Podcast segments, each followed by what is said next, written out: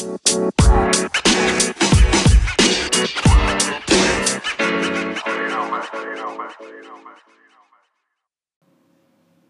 semuanya, welcome back to my podcast, Under Sofian Podcast.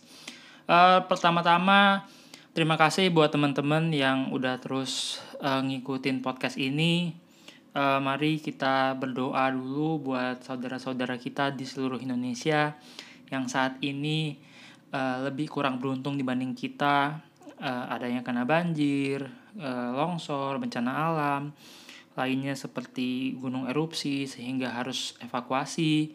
Semoga teman-teman semua um, yang ditinggalkan keluarganya meninggal dunia diberi kekuatan, teman teman-teman juga senantiasa sehat dan segera bisa kembali ke rumah masing-masing, uh, terselesaikan masalahnya. Um, ya, mari kita berdoa buat saudara-saudara kita semua. Oke. Okay. Uh, kita lanjut. Um, hot topic minggu ini adalah ngomongin soal trofi. Karena apa? Karena Juventus kemarin akhirnya uh, mendapatkan trofi pertamanya uh, di musim ini, Supercoppa Italia. Kalau kita ngomongin trofi sebenarnya Juventus itu satu dekade terakhir um, tidak pernah tidak mendapatkan trofi di setiap musimnya. Uh, jadi ada data gue kutip dari Round Turin sejak 2012 Juventus itu berhasil mengumpulkan 18 trofi. Eh, kemudian Lazio dan Napoli masing-masing 4 trofi Milan 1 trofi dan Inter 0 trofi. Nah Juventus selain 18 trofi itu sebenarnya kalau kita ngomongin Juventus secara keseluruhan itu tuh ada 24 trofi jadi Juventus Men 18 trofi, kemudian Juventus Women itu 5 trofi. 3 kali juara Serie A, 1 kali juara Coppa Italia, dan 2 kali juara Supercoppa Italiana. Plus 1 Coppa Italia Serie C dari Juventus Under 23. Jadi, um, ya menyenangkan kalau ngomongin trofi dan Juventus. Seperti um, jodoh kali ya, selalu berjodoh gitu Juventus dan trofi di satu dekade terakhir. Uh, sebenarnya kalau musim ini ada berapa banyak sih trofi yang bisa didapetin Juventus di musim 2020-2021? Kalau gue kalau menurut catatan gue, kita musim ini bisa dapat 10 trofi. Nah, sekarang apa-apa aja aja sih 10 trofi ini? Nah, kalau kita bahas dari Juventus Women. Juventus Women itu berpartisipasi di 4 turnamen dan sat, uh, 3 turnamen satu liga. Di Champions League sayangnya Juventus Women udah kalah di babak knockout, kalah lawan Lyon, which is uh, juara bertahan Champions League. Kemudian di Serie A, Women sekarang kita posisi satu uh, perfect, tiga, uh, 11 kali main, 11 kali menang, 33 poin. Uh, masih ada sisa 11 games lagi sampai akhir musim. Kemudian di Coppa Italia, Juventus sudah masuk Juventus Women sudah masuk quarter final. Uh, bakal tanding lawan Empoli Ladies uh, home dan away. Kalau di women Coppa Italianya. Kita bakal away ke kandangnya Empoli Ladies itu akhir Januari. Kemudian bakal main home di pertengahan Februari. Terus satu trofi sekarang udah dipegang sama Juventus Women which is Super Coppa Italia Super Coppa Italia ini di awal Januari jadi Super Coppa Italia kemarin dimenangin sama Juventus Men sebenarnya trofi kedua buat Juventus di tahun 2021 ini. Kalau kita ngomongin jadi tadi kan dari Juventus Women dari empat uh, trofi yang mungkin didapetin musim ini uh, tiga masih mungkin dimenangin satu udah gugur. Terus kalau kita ngomongin berikutnya adalah Juventus Under 23. Juventus Under 23 ada kemungkinan dapat dua trofi. Trofi sebagai juara Serie C which is masih possible. Sekarang Juventus under 23 di, di Serie C di posisi 6. Kita punya 29 poin dari 19 kali main. Masih ada sisa 19 kali pertandingan lagi sampai akhir akhir musim. Selisih poin kita sama pemimpin klasemen sementara Renate itu 13 poin. Jadi ya masih memungkinkan. Um, untuk untuk juga tembus ke ke seri B, sebenarnya Juventus under 23 itu cukup pokoknya mengamankan posisi 10 besar. Nah, nanti ketika playoff um, semakin bagus posisi lo di liga, semakin besar peluang lo untuk lolos playoff. Karena gini, um, pengalaman dari musim lalu, Juventus Under 23 itu finish di posisi 10. Sehingga ketika playoff, ketika playoff uh, Juventus Under 23 bermain imbang dengan lawannya, maka tidak ada adu penalti. Uh, yang lolos ke fase berikutnya adalah tim yang ketika di liga posisinya lebih tinggi. Jadi semakin tinggi posisi Juventus di liga uh, pada akhir musim, semakin memberikan peluang besar untuk lolos ke seri B itu. Kemudian ada juga Coppa Italia seri C. Um, gue Juventus belum main sekarang, tapi Juventus juara bertahan. Jadi masih ada peluang buat dapetin dua trofi dari Juventus Under 23. Jadi totalnya sementara 3 tambah 2 5.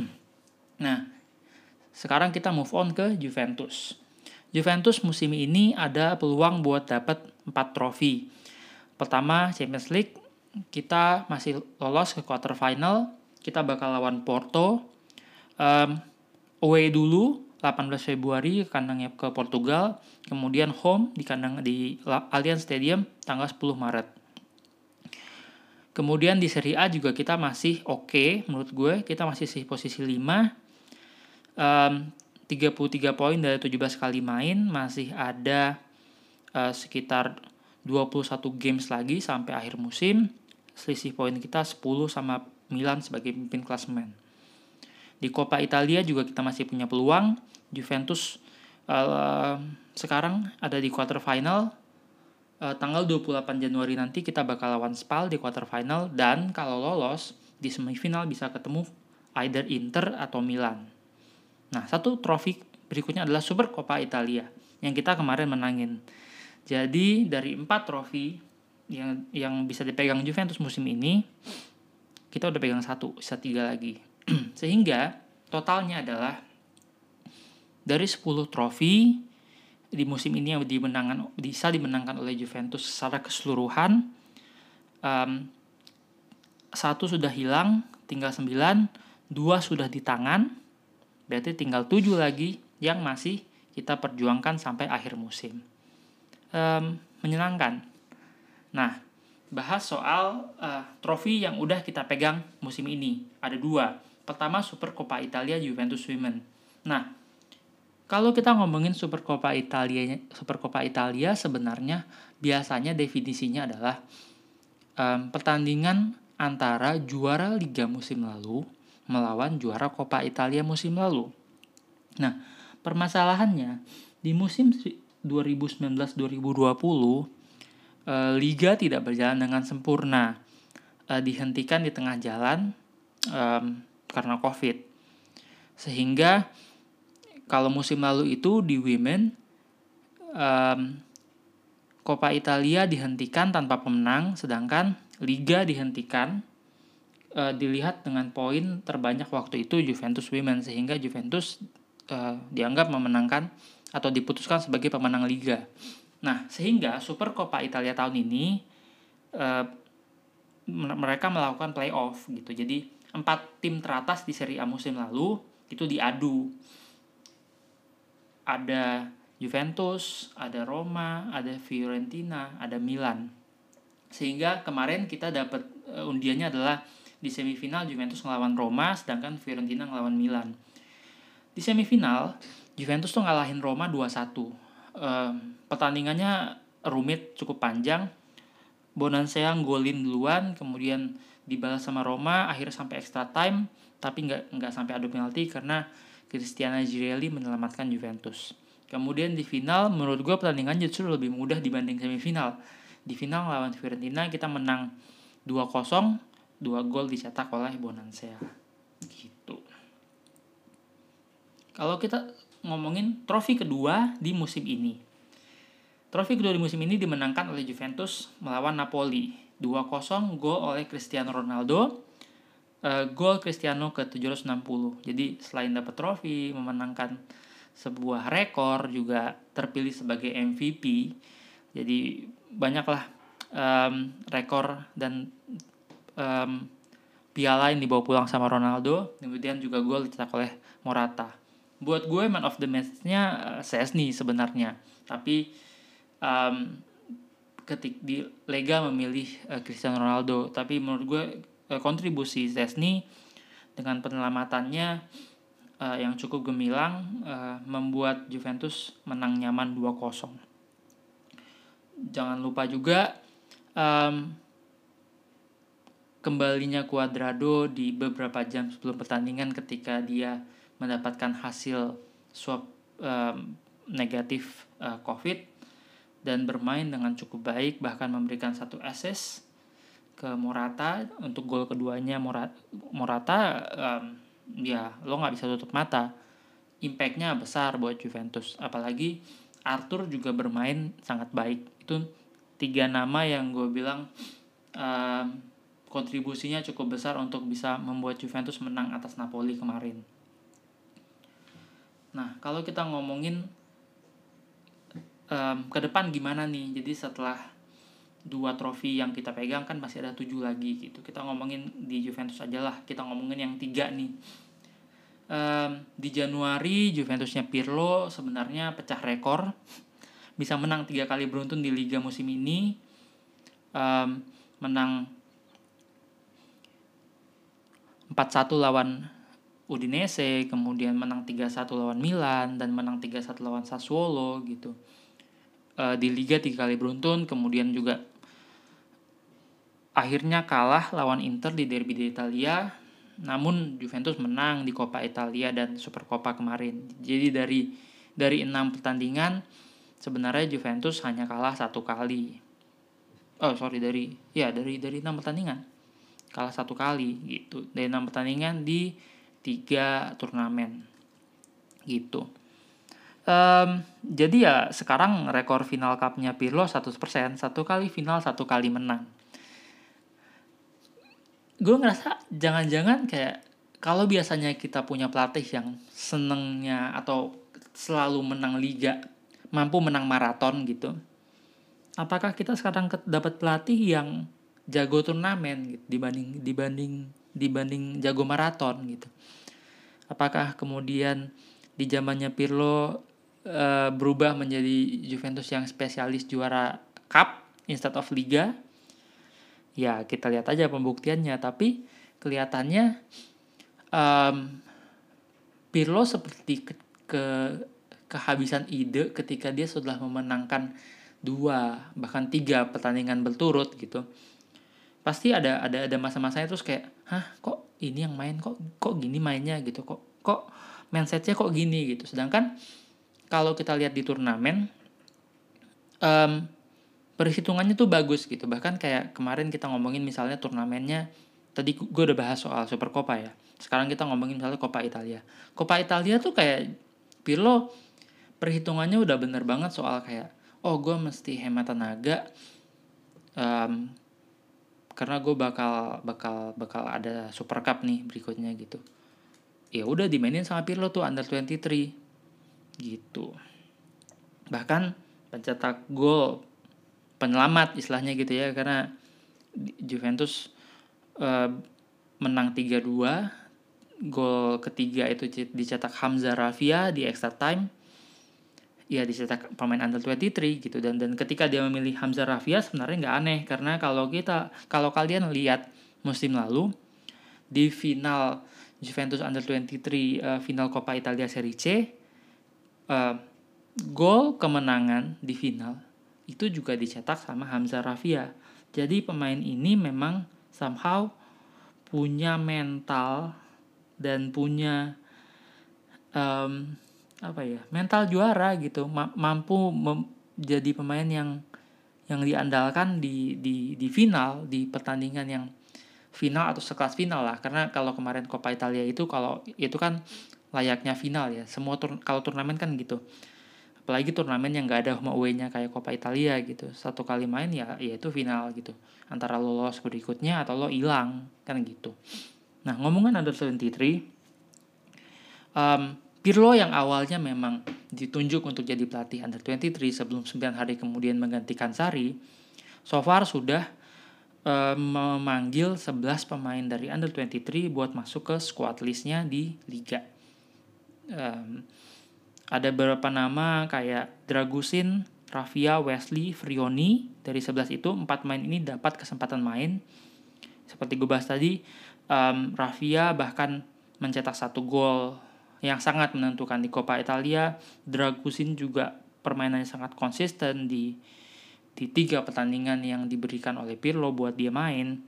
Wesley juga di Coppa Italia menurut gue sangat bagus di posisi kiri.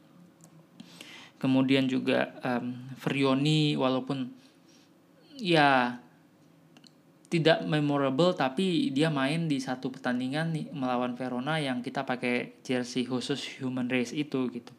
Gue nggak ngomongin uh, Potanova sama ini ya sama Frabota karena Potanova dan dan Frabota sudah dicat, tercatat sebagai pemain first team gitu bukan pemain under 23. Uh, kita lihat nama-nama lain kayak Faglioli yang juga pakai nomor 10 di Juventus uh, Serie C, kemudian Felix Korea yang rajin banget bikin gol di Serie C gitu. Terus ada Toda Peters yang yang ya yang udah sering banget dipanggil timnas Belgium gitu.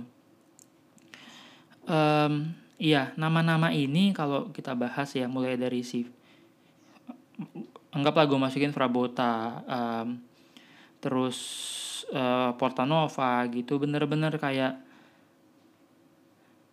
gue nggak expert sih di di di ini ya di under 23 tapi menurut gue kalau dulu programnya Juventus Youth itu adalah minjemin pemain ke tim-tim semenjana gitu. Akhirnya pemain-pemain ini ada yang bisa nembus tim utama tim-tim tersebut, ada yang ya udah jadi cadangan terus-menerus gitu. Nah, sejak dua tahun lalu Juventus bikin under 23 sehingga pemain-pemain ini mendapatkan kesempatan main full di uh, seri C which is nggak bukan liga yang main-main juga. Kalau nonton seri C tuh mereka masih bermain keras di lapangan yang kurang bagus gitu. Sehingga uh, satu sisi secara purpose membuat pemain-pemain ini lebih aktif punya kepercayaan diri dan dan ini jauh lebih bagus dibanding mereka ketika dipinjemin ke klub-klub lain juga tetap jadi pemain cadangan gitu. Walaupun main di Serie A. Um, jadi menurut gue sebuah visi ke depan yang sangat baik dari manajemen Juve ketika membuat Juventus Under 23 um, ya pay it will pay big off some someday in the future gitu. Either bakal ada pemain yang menjadi pemain inti di Juventus atau ya minimal plus Valenza gitu. Bahkan bahkan sekarang kita udah um, kabarnya Elia Petrelli top skor sementara under, uh, Juventus under 23 juga dibeli sama Genoa 4 atau 7 juta. Kayak Potanova juga kabarnya sekitar segitu. Uh, menambah harga yang harus kita bayarkan ketika kita rencananya juga membeli Nicolo Revola anak 17 tahun uh, dari Genoa um, langganan timnas youth juga gitu. Jadi ya penggunaan pemain muda ini sebenarnya buat buat Pirlo menurut gue nggak aneh karena Pirlo sendiri sudah menjadi bintang ketika dia masih sangat muda gitu. Dia bukan bintang hanya di tim Azuri tapi dia juga bintang di Azuri ini. Jadi tidak aneh ketika kita punya pelatih muda yang memanfaatkan pemain muda apalagi Juventus sudah menyiapkan tim muda. Ya, ya apa ya masa depan yang masa depan yang indah dan cemerlang sih menurut gue gitu. Semoga aja uh, it it it will turn out sangat baik gitu di masa depan. Tapi minimal sekarang um, harapan gue di Mercato yang tinggal sisa seminggu ini kayaknya Juventus sih nggak bakal belanja yang gimana gimana yang signifikan gitu. Mungkin bakal ada jual beli di under 23 aja. Um, harapan gue ya itu di sisa pertandingan tidak ada yang cedera parah sehingga Juventus melakukan panik buying. Karena menurut gue instead of panik buying ya ya terusin aja yang udah Pirlo jalanin selama ini manfaatin pemain-pemain dari under 23 gitu. Apalagi di di, di sisa musim di sisa Januari ini Juventus um, masih ada tiga pertandingan. Sementara yang absen adalah Chiesa kayaknya cedera lagi kemarin di posisi yang sama ketika dia cedera juga lawan Inter. um, covid masih ada Alexandro dan Delik covid ini emang emang nggak jelas lah. Kadang-kadang lo tiba-tiba bisa karena covid gitu kan sebelum pertandingan. Hasil tes lo keluar covid ya udah lo nggak main gitu kan. Itu kayak bencana bencana buat strategi pelatih yang udah matang tiba-tiba sebelum pertandingan kehilangan pemain ya ya mau gimana emang masanya lagi gitu kan. Nah sampai akhir sampai akhir bulan Juventus hari Minggu besok bakal main lawan Bolonya home di kandang Juventus. Ini pertandingan buat Indonesia enak banget nih pertandingannya habis maghrib.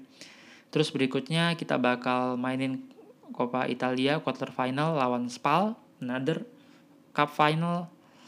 Uh, karena cuma satu satu satu leg tidak ada home away-nya. Kemudian tanggal 31 Januari kita away ke Sampdoria.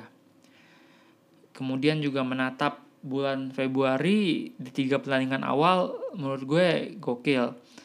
Karena Juventus bakal main di home ngelawan Roma kita bakal away ke Naples lawan Napoli untuk kemudian away ke Porto untuk memainkan quarter final UCL leg 1. Nah, gimana nih menurut lo? Um, apakah lo sepemikiran sama gue kayak kayaknya Pirlo emang lebih pelatih yang spesialis turnamen dibanding liga yang maraton? Apakah itu hanya kebetulan atau karena ya skuadnya nggak nggak cukup banyak buat secara kuantiti gitu untuk main liga yang maraton tiga hari sekali sehingga Pirlo lebih fokus ke cup ya atau yang memang juga sekarang kita lebih idam-idamkan gitu misalnya dibanding uh, Scudetto 10 kali beruntun atau ya it is the way it is gitu. Pokoknya Pirlo do what he can do dengan segala pengalamannya yang terbatas um, persiapan buat dia menghadapi menghadapi cup juga mungkin lebih enak dibanding liga yang yang penuh dengan kejutan dengan fatigue gitu. Ya we'll see um, ya so far pokoknya kita lihat aja ke depan dari sisa tujuh trofi yang bisa kita dapetin kita bakal bakal masih bisa dapetin berapa nih? Um, salah satunya bakal ditentukan um, minggu depan quarter final Coppa Italia. Um, ya. So far um, gue sih happy dengan progresnya Juventus um, sangat menyenangkan melihat Juventus bermain.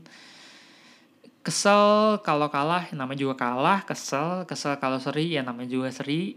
Siapa sih yang nggak pengen menang gitu kan? Yang penting um, tetap percaya sama Juve kalau gue tetap percaya sama Pirlo tetap percaya sama manajemen. Pokoknya intinya Vino alla fine Forza Juventus kan gitu. Jadi uh, buat teman-teman semua terima kasih sudah mendengarkan podcast kali ini. Sampai jumpa di podcast berikutnya. Jangan lupa kalau ada yang mau dibahas ada yang mau ditanya um, mention gue.